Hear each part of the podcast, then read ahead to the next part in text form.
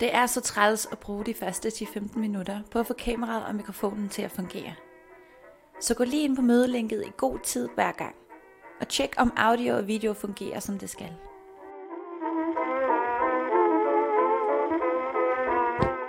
I et virtuelt rum kan man ikke helt fornemme hinanden på samme måde som i et fysisk rum, så det kan være nødvendigt at strukturere møderne mere.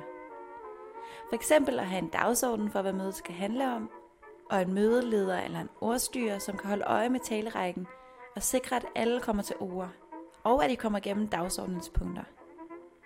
Det kan måske virke lidt kunstigt at have sådan nogle rammer, hvis I kender hinanden godt, men prøv det alligevel.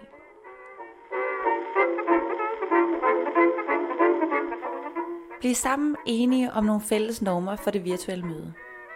Mange af dem kan vise sig at være de samme som til fysiske møder, men nogle kan også være anderledes. Det kan fx være, vi spiser ikke under mødet, vi muter, når andre snakker, vi bruger et kamera i øjenhøjde, eller noget lignende.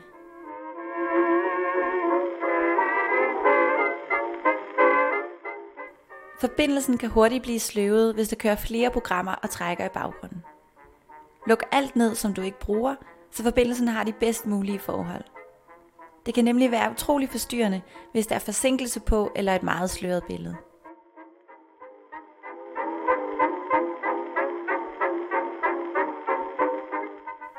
En af de funktionaliteter, som der kan være en fordel ved de virtuelle møder, er, at man kan optage det. Det kan være rigtig fedt at gå tilbage og se på senere, og man kan bruge det som et referat.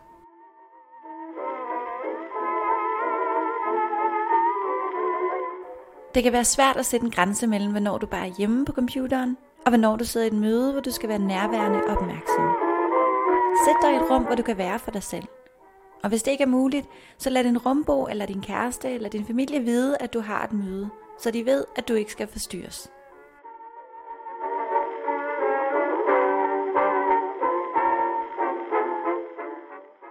Det er selvfølgelig et godt råd til et hvert slags møde, at man ikke skal afbryde hinanden, men specielt i det virtuelle.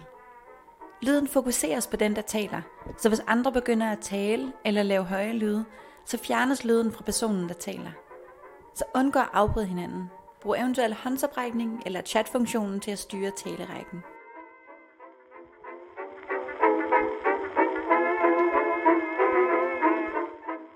Vær så nærværende og opmærksom under mødet, som du også vil være, hvis I var i samme fysiske rum.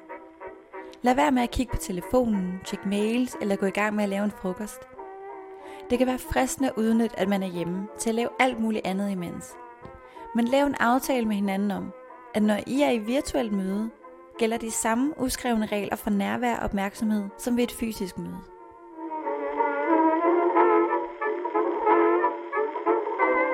Man kan i langt de fleste virtuelle mødeprogrammer dele sin skærm, hvilket kan være rigtig smart, hvis man skal gennemgå noget fælles. Hvis du bruger høretelefoner og gerne vil dele noget med lyd på, skal du dog lige huske at tage dem ud af computeren. Vil du dele hele din skærm, kan det være en god idé lige at få lukket eventuelle private faner og programmer på forhånd.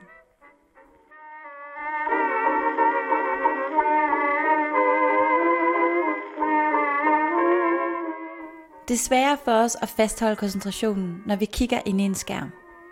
Så sørg for at holde hyppige små pauser – og brug pauserne på at komme lidt væk fra skærmen, se på noget andet og brug din krop.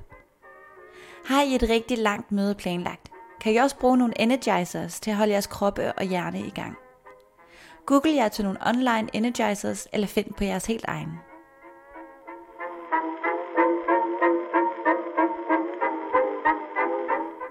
Ligesom det til fysiske møder er rigtig vigtigt at sørge for, at alle er med i samtalen, er det det også under virtuelle møder.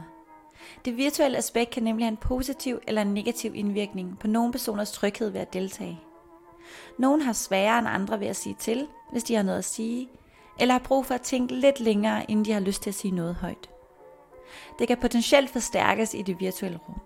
Så husk derfor at være opmærksom på, at alle har mulighed for at deltage i samtalen.